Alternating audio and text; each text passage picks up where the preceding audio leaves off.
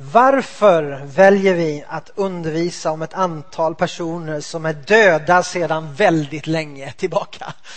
Eh, kan man ju undra. En viktig fråga att ställa när vi nu ska ägna sex veckor åt några personer framöver som faktiskt är väldigt länge sedan de levde. Eh, har de någonting egentligen att säga våra liv idag? Eh, livet ser ju väldigt annorlunda ut på många sätt än vad det gjorde för 2000 år sedan eller 3000 år sedan som ju det här handlar om. Eh, för det första kan vi säga att andra människors erfarenheter hjälper oss att förstå livet. Eh, tänk att få lära sig av andra människors segrar. Att få se liksom wow, tänk vad den fick vara med om och bli inspirerad av det. Det hoppas vi att vi ska göra tillsammans under den här serien. Men tänk också att få lära sig av andra människors kamp i, i de kanske djupaste dalarna och de största problemen. En del av dem kanske vi kan undvika just genom att lära oss någonting av dem. Att de har varit där. De kan kanske hjälpa oss att se hur vi undviker eh, att drabbas av samma sak. Eller så är det så att vi inte kan undvika det, utan vi kommer också vara där. Men då tror jag att de här personerna också kan hjälpa oss att förstå hur kan jag mitt i min svåra tid hålla fast, tro, fortsätta och sluta väl. De här personerna som vi kommer att tala om, de slutade väl. Det var personer som gav en god eftersmak, en god sötma efter sitt liv.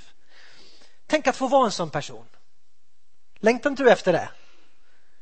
Eh, att få vara en person som när man liksom tänker på dig, när du har fått leva ditt liv, det slutade väl, det slutade gott, det blir en god eftersmak.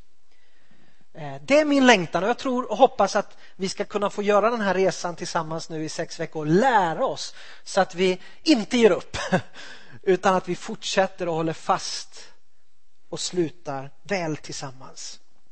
Hebreerbrevets författare har skrivit ett fantastiskt kapitel, kapitel 11. Vi brukar kalla det för trons kapitel där det handlar om trons hjältar, brukar vi säga.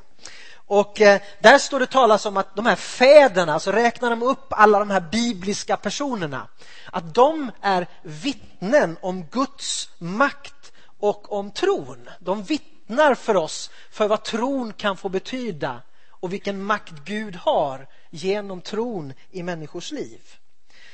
Och Jag tror att vi behöver de här förebilderna för att bli inspirerade. De vittnar till oss idag vilken makt som tron kan få ha i, ett liv, i en människas liv.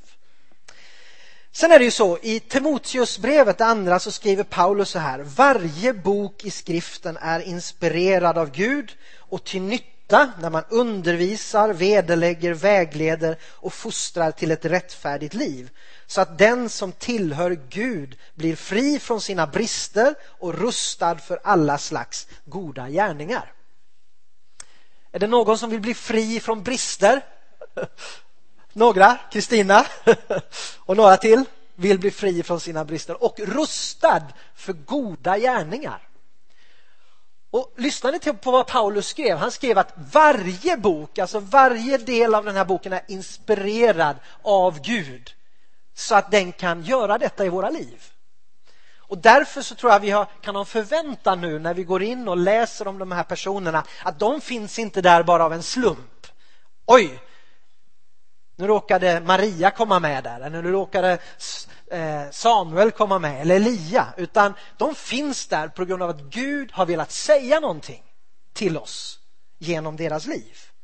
Det tror jag också är viktigt, för det ger oss en förväntan att när vi nu läser om Elia här idag så ger det oss en förväntan att Gud vill säga någonting till oss. Eller hur? Och det tror jag, det är, ju, det är ju varför vi är här. Vi vill höra Gud säga någonting, tala in i våra liv eh, angående våra liv. Varför då den här första söndagen om Elia? Varför har vi valt honom? Jag har skrivit så här som en liten överskrift på min predikan den här söndagen. Vilket ben ska vi stå på? Eh, därför att jag känner att när jag läser om Elia liv så är det det som han, det var det som Gud kallade honom till att utmana sitt folk. Att, sä, att liksom säga till dem, vilket ben ska ni stå på?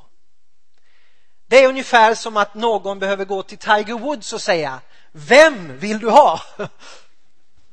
av de 120 plus en som han har haft och har. Ni måste välja.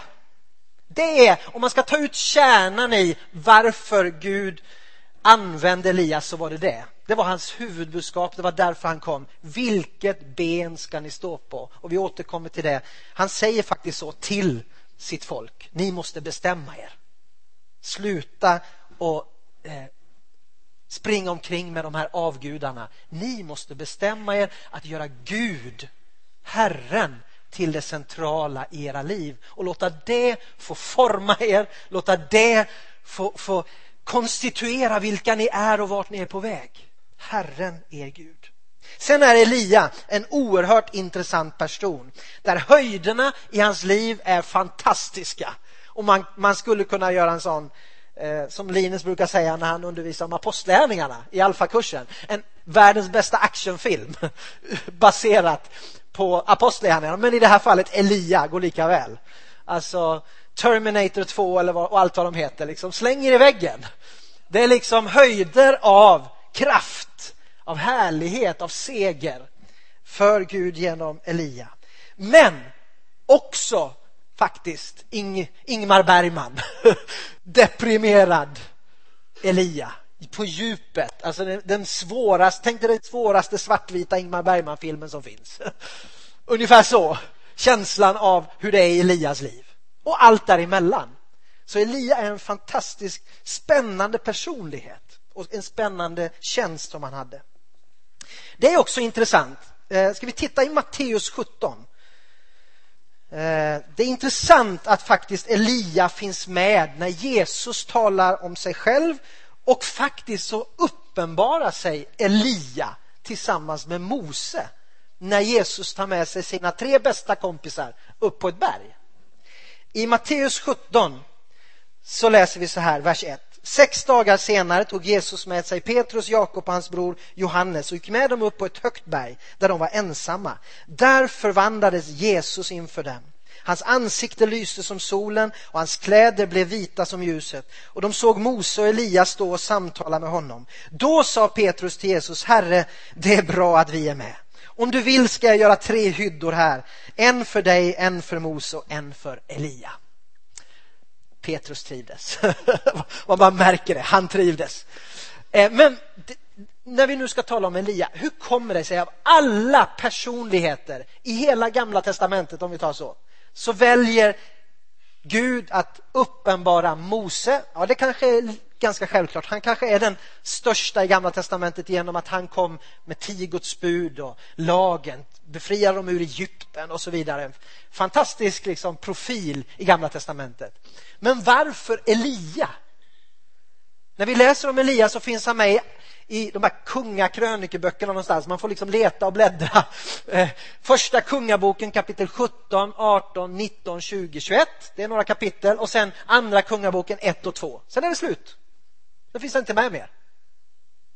Det finns ju eh, många andra profeter i Gamla testamentet eller profiler eller gestalter liksom, som man skulle kunna då, Jesus skulle kunna, eller Gud, eller vem det var som valde vilka som skulle uppenbara sig. Eh, eller hur? Man behöver fråga, det är ju intressant, varför är Elia med där? Men då ska vi veta det att lite senare här så kan vi läsa vidare. När de gick ner från berget, vers 9, sa Jesus åt dem, berätta inte för någon om det ni har sett förrän Människosonen har uppstått från de döda. Lärjungarna frågade honom, vad menar då de skriftlärda med att Elia först måste komma? Han svarade, visst skall Elia komma och återställa allt. Men jag säger er att Elia redan har kommit och de kände inte igen honom utan gjorde med honom som de ville. Så ska de också låta Människosonen lida. Då förstod lärjungarna att han talade om Johannes döparen. Och i Matteus 11 så bekräftar Jesus det här ytterligare en gång att ja, eh, Johannes döparen, det var det här löftet om att Elias skulle komma tillbaka. För så slutar faktiskt Gamla testamentet. I Malaki, den sista boken i Gamla testamentet, kapitel 4 och vers 5, så står det att i den sista tiden så ska Elia återvända och han ska vända fädernas hjärtan till barnen och barnens hjärtan till fäderna. Så det fanns en enorm förväntan att Messias skulle komma tillbaka, givetvis. messiaslängtan hos judarna. Men också att i samband med det så skulle också Elia komma tillbaka. Och ni vet, ibland frågar man om Jesus är Elia och de diskuterar, kan han vara Elia som har kommit tillbaka? Men Jesus bekräftar, det är Johannes som är uppfyllandet av det här löftet att Elia skulle komma tillbaka. Hur såg Elia ut? Ja, han såg faktiskt ut så som vi tror, eller kanske tänker oss att en profet ska se ut. Eh, det vill säga, han bar en hårmantel och hade skinn om höfterna. Så står det. En del kanske får stänga av nu sin liksom, fantasi så att det inte går för långt menar jag. Skinn om höfter och allt. Eh, så står det i alla fall i andra kungaboken 1, 7-8. Det är egentligen det enda vi får veta om hur han såg ut. Att han bar en hårmantel och hade skinn om höfterna. Johannes, man kan jämföra det med Johannes döparen då. I Matteus 3 och 4 så står det så här. Johannes bar kläder av kamelhår och hade ett läderbälte om livet och hans föda var gräshoppor och vildhonung. Så det, vi ser den här redan där också, connectionen mellan Elia som en förebild eller som en föregångare då till Johannes döparen. Det var samma skrot och korn kan man säga på de här personerna. Jakob nämner också, i Jakobs brev så nämner han om Elia kapitel 5 och vers 17 till 18, 18 alltså Jesu bror Jakob. Där skriver han så här. Elia var en människa som vi men när han bönföll Gud om att det inte skulle regna så kom inget regn över landet i tre och ett halvt år. Sedan bad han igen och då gav himlen regn. Så Jakob han vill stryka under att Elia var en människa som du och jag. Det vill säga han var ingen märklig superman som, som Johan sa eller någon konstig typ utan han var som dig och mig. Han frestades av samma saker, han plågades av samma saker men ändå så fick han uppleva hur hans bön förändrade saker och ting och förvandlade saker och ting. Elias liv präglas ju också av att få höra Guds röst, att vara ledd av den helige ande och att då i andens kraft få se Gud handla, gripa in i situationer i deras liv och i deras land och det där är klart någonting som, som gör att yes, Gud, lär oss, undervisa oss. Vad var det som gjorde att Elia fick fungera i detta? Elia betyder Herren är Gud. Och det är också det här, som, det här budskapet som han kom med. Vilket ben ska du stå på? Och hans namn är Herren är Gud. Det sammanfattar hans uppdrag att visa vem Gud verkligen är. Elia han trädde fram som en profet under kung Ahab. I de nya översättningarna, eh, Bibel 2000, så står det Ahab. Men V ska alltid uttalas som B, så det blir antingen Ahab eller Ahab eller någonting sånt. Så jag väljer att säga Ahab. Så vet ni vilken kung jag menar för att inte strula till det. Men under den kungen då så träder Eh, Eh, Elia fram som en profet. Och bakgrunden då till det här framträdandet, det var den tilltagande avgudadyrkan i Israel, det som då var Nordriket. Ni vet att kung David, han skapade ett enat rike som hans son Salomo tog över. Men när Salomo dog så splittrades riket upp i ett eh, sydrike och ett nordrike. Och då blev eh, så småningom då Ahab kung i Nordriket Israel. Och det är där då som Elia verkar och det är där som Ahab är kung vid den här tiden. Och där finns det också en fru, Isabel. Och Isabel är väldigt präglad av den kananeiska religionen och kulturen eh, som han har gift sig med, då Ahab. Så hon berättar Bibeln då influerar Ahab att ta till sig alla de här andra gudarna, bland annat då Baal, Balsguden och eh, aserorna. Baal var en manlig fruktbarhets och stormgud som var otroligt vanlig i hela den här regionen i olika former och med olika namn. Ofta så hade man ett stenaltare med kanske en tjur som en symbol också till den här fruktbarhetsen, fruktbarhetsguden Baal. Aseror var då en kvinnlig fruktbarhetsgudinna. Ofta symboliserade den genom någon träpåle eller ett träd eller en träbild av något slag. Och Det här var då alltså avgudar som, som florerade i olika former och på olika sätt och började då tränga in i Israel och påverka otroligt mycket av deras tankar och deras liv. Och i den här situationen då så träder Elia fram inför kungen och säger att Gud kommer stoppa regnet i tre år. Och det är lite intressant där, för när han träder fram där i kapitel 17, första kungaboken kapitel 17, så eh, det är det första vi får veta. Ja, han kommer visserligen från Tishbe i Gilead. Det är det enda vi får veta. Och Tishbe i Gilead ligger i norra delen av Israel, på andra sidan Jordanfloden upp mot Syrien. Där tror man, man vet inte riktigt exakt var det låg, men där tror man att det låg. Eh, det är det enda vi får veta om den här Elia. Vi vet ingenting om hans familj, ingenting om hans föräldrar, ingenting om hans bakgrund. Utan en dag så står han inför kungen. Och så talar han ut det här.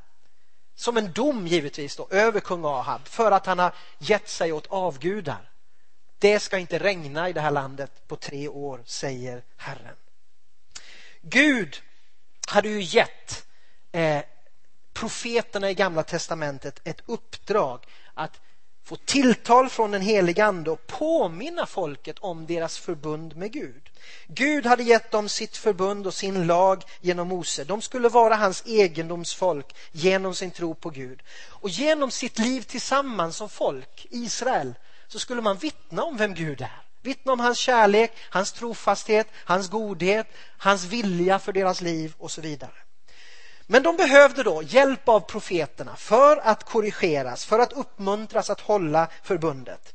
Och, och det är ju det som den här profeten då Elia kommer in i. När vi talar om profetia idag, vilket vi ska göra lite senare idag, vi ska dela några profetiska ord i gudstjänsten här i avslutningen. Då är det liksom på en annan nivå, det är viktigt att veta. Eh, de gamla testamentliga profeterna hade ett ganska annorlunda uppdrag än vad det som vi kallar för profetia har idag i kyrkan. Eh, det vi kallar för profeter idag har ju framförallt då enligt första Korinthierbrevet 14 en kallelse att uppmuntra, att vägleda och att trösta, förmana. Och det sker liksom med en öppen hand och allt ska prövas. Här var det ingen snack om att det skulle prövas för det första. Utan så här är det, vänner. Herren säger. Eh, medan då i Nya testamentet så är det så viktigt att nu har vi alla fått del av den helige Ande. Alla kan vi höra Guds röst.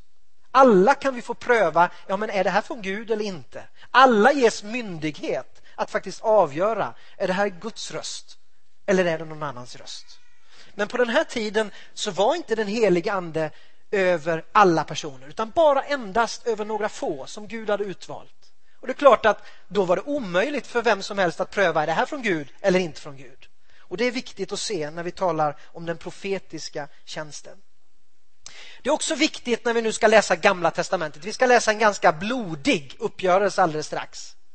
Och då är det viktigt att vi förstår att Gud väljer att verka på olika sätt i olika tider.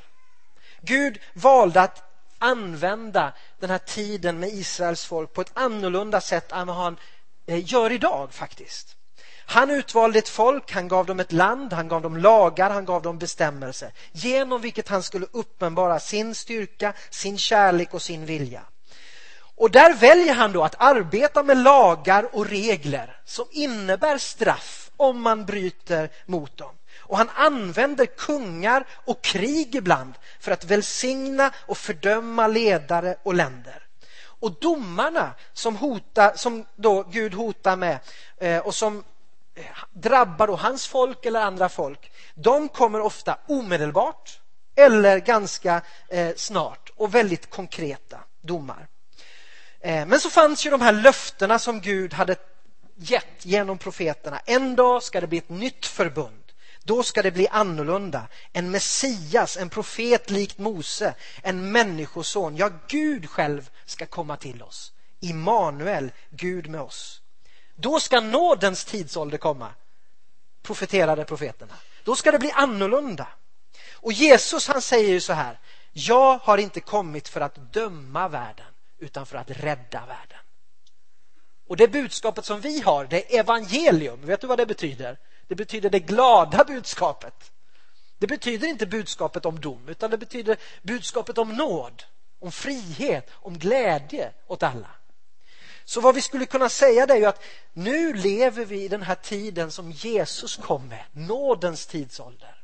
Där Gud säger att jag kommer inte för att döma. Jag kommer för att visa min barmhärtighet, min nåd och min kärlek. Men Jesus är också väldigt tydligt, en dag så kommer han komma tillbaka. Och då kommer han säga, då kommer alla göra räkenskap inför mig, säger Jesus. En dag kommer domen att nå. En dag kommer varje handling, varje människa att prövas inför Guds helighet och Guds godhet.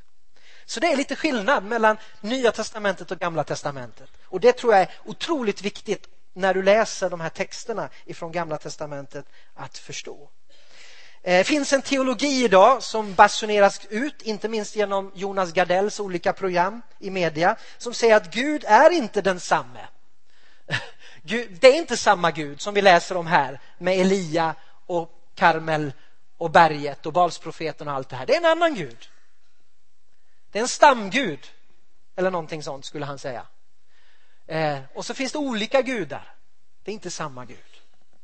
Eh, jag tror att det är en stor lögn. Jesus talar om Abraham, Isak, Jakobs Gud. Jesus talar om att det är hans far.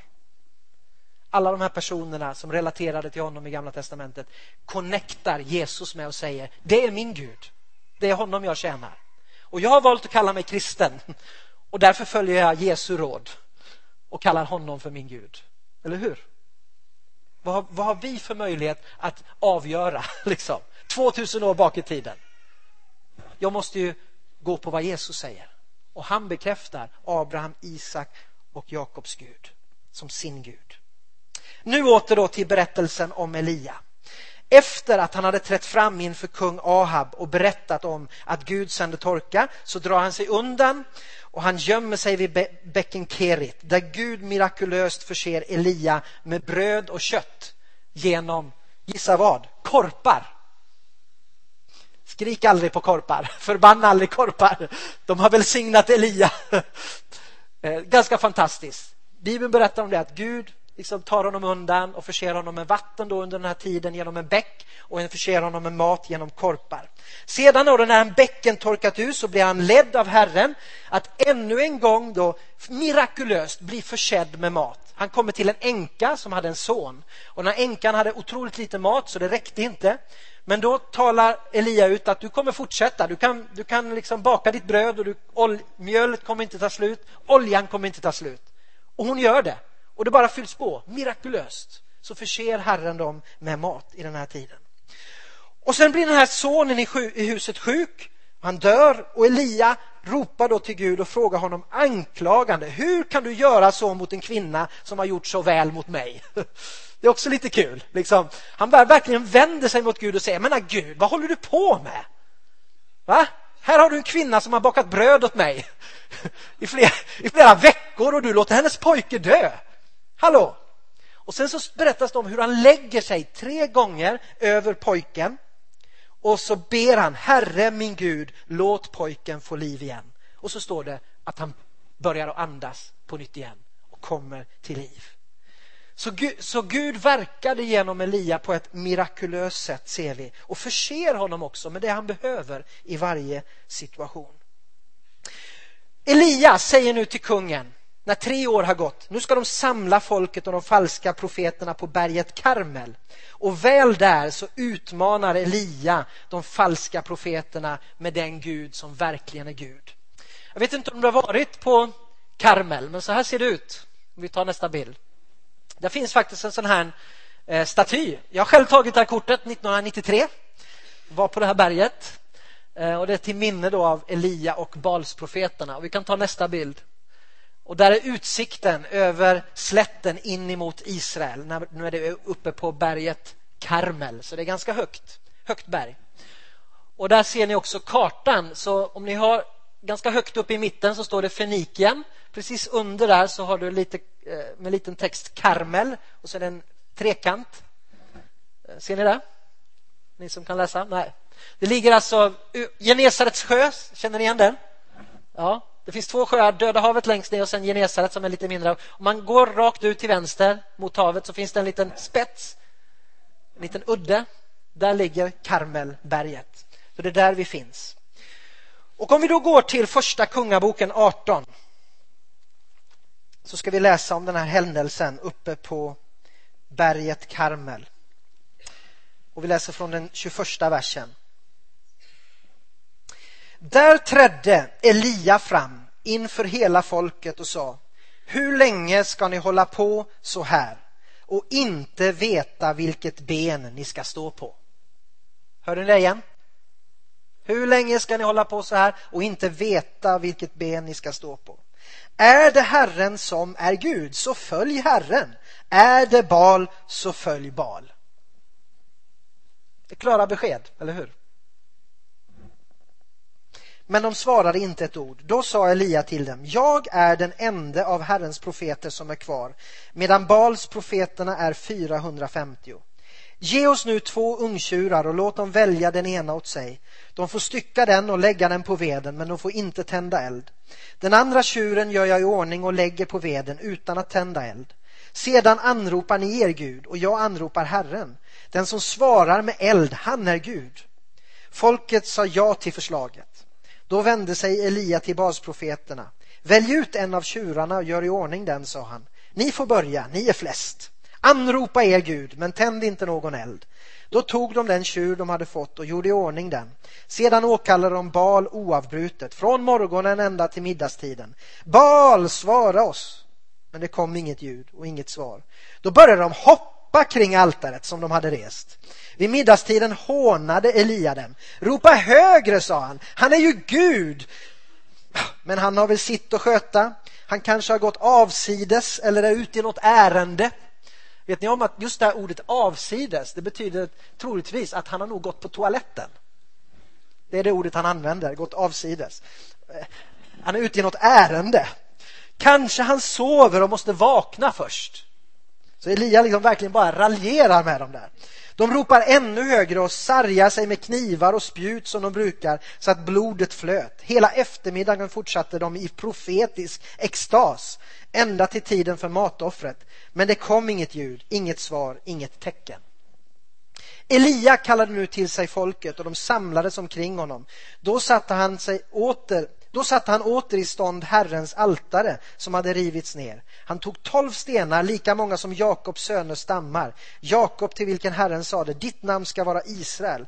Av stenarna byggde Elia ett altare åt Herren och runt omkring altaret lät han gräva ett dike, djupt och brett som ett stort sädesmått. Han staplade veden, styckade tjuren och lade den ovanpå veden. Därefter sa han, fyll krukor med vatten och häll över offret och över veden. Sedan sa han, en gång till och därpå en gång till. Och de gjorde som han sa, vattnet rann runt om altaret och även diket fyllde han med vatten. När tiden för matoffret var inne trädde profeten Elia fram och bad, Herre, Abraham, Isak och Israels Gud, låt det idag bli uppenbart att du är Gud i Israel, att jag är din tjänare och att det är på din befallning som jag har gjort allt detta. Svara mig, Herre, svara mig så att detta folk inser att det är du, Herre, som är Gud och att det är du som har vänt deras hjärtan bort från dig. Då slog Herrens eld ner och förtärde offret, veden, stenarna och jorden och slickade upp vattnet i diket. Kan ni tänka er eh, vulkanen som vi just har sett på bilder? Som någonting... Stenarna smälter som jag förstår det. Av hettan. Folket såg vad som hände och föll ner på sina ansikten och ropade Det är Herren som är Gud. Det är Herren som är Gud. Men Elias sa, grip Bals profeter, låt ingen enda komma undan. När profeten hade gripits lät Elia föra dem ner till Kihonbäcken och avliva dem där. Det är svårt att säga amen efter det. Men som jag sa, Gud handlade annorlunda på den tiden. Det var ett annorlunda förbund än vad vårt förbund är och det är viktigt att ha med. Men visst är det mäktigt, visst är det otroligt starkt hur Gud väljer att slå fast det är jag som är Herren. Det är på mitt ben ni ska stå. Det är på den sidan som ni ska stå om ni vill, om ni vill verkligen följa den som har allt i sin hand och som kan ta hand om era liv. Där trädde Elia fram, fram inför hela folket och sa Hur länge ska ni hålla på så här och inte veta vilket ben ni ska stå på? När jag var 11 år så, så kände jag det för första gången faktiskt. Daniel, på vilket ben ska du stå på? När jag var 11 år gammal. Jag tror att det gäller några av oss här i Immanuelskyrkan idag, där Gud utmanar oss lite och ställer oss den frågan. På vilket ben ska du stå på?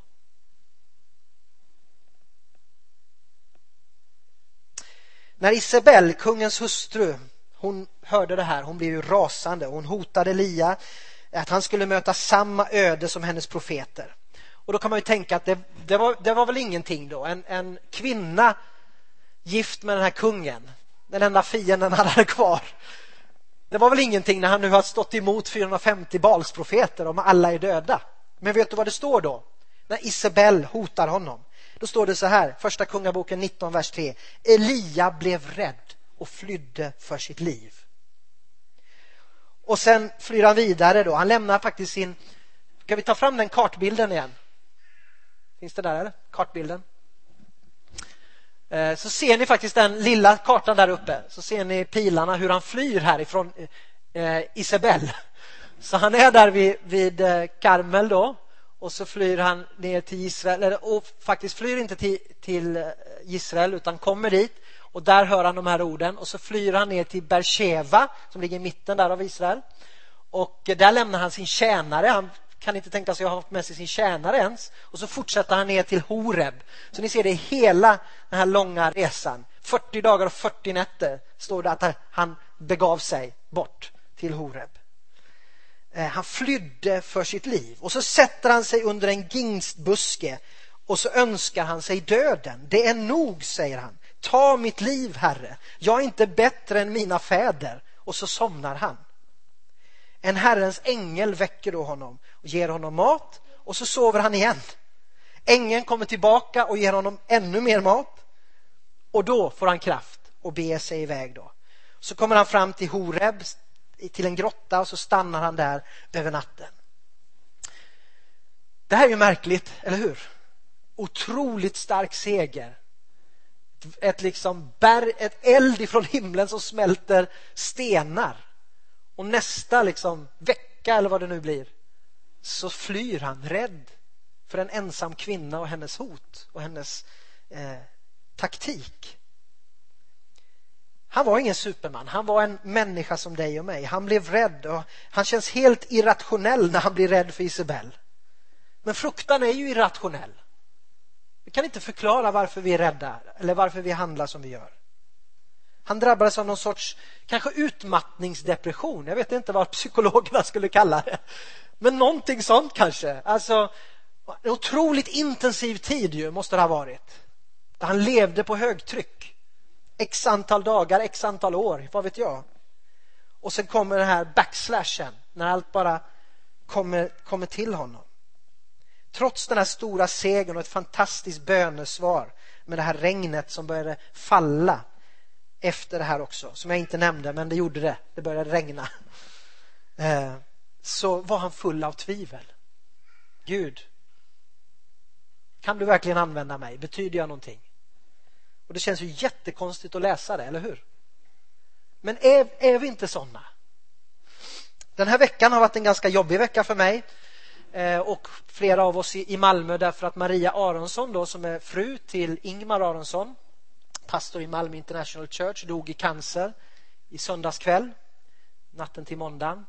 Och vi är många som har bett. Vi har haft eh, i pastorsgemenskapen här i stan så vi har haft en fastekedja. Vi har tagit enskilda dagar och fastat en dag för Maria och bett för henne.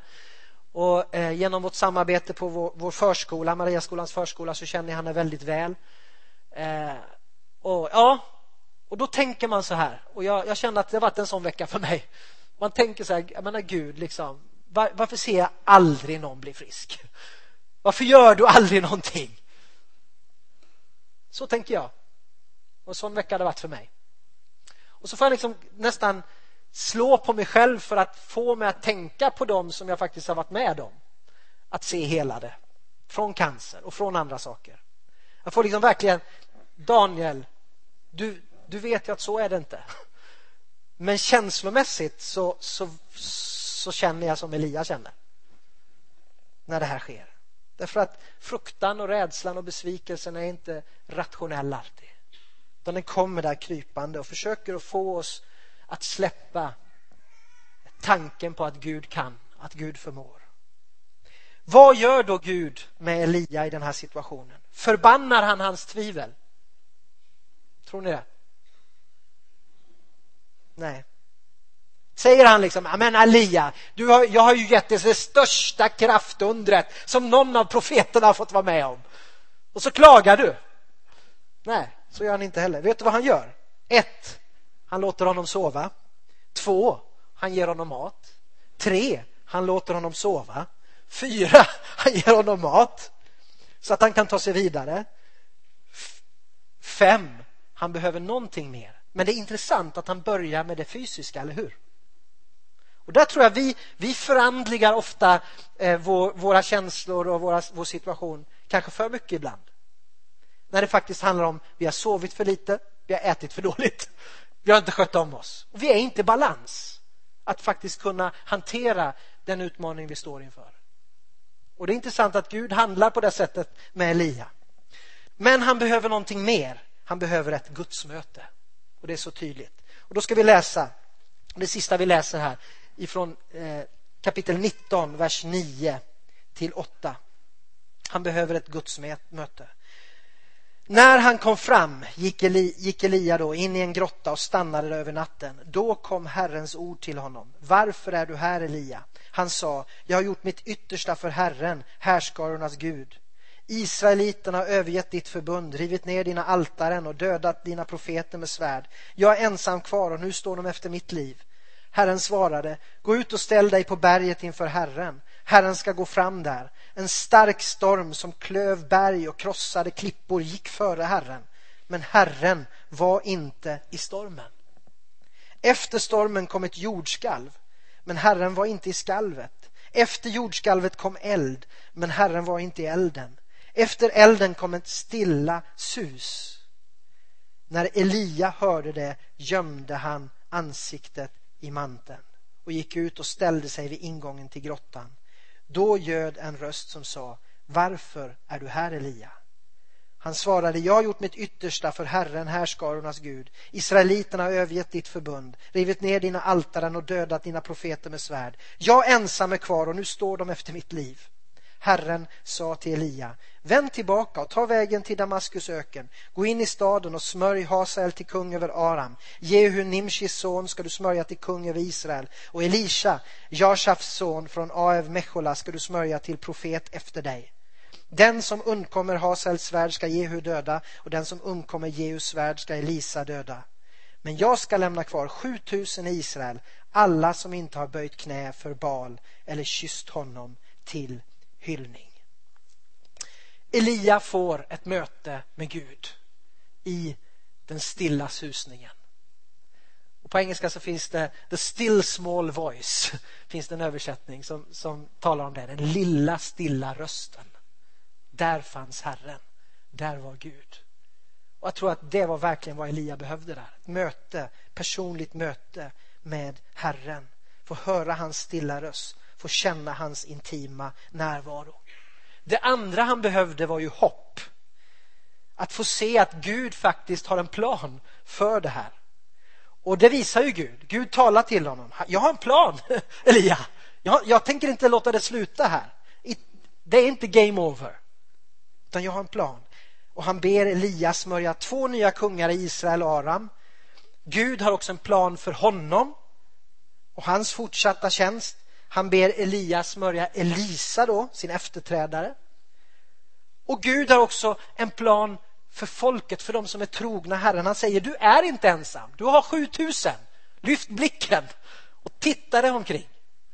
Det är klart att det, det, det där var nog en sån, en deprimerad Elia som inte faktiskt såg sig omkring.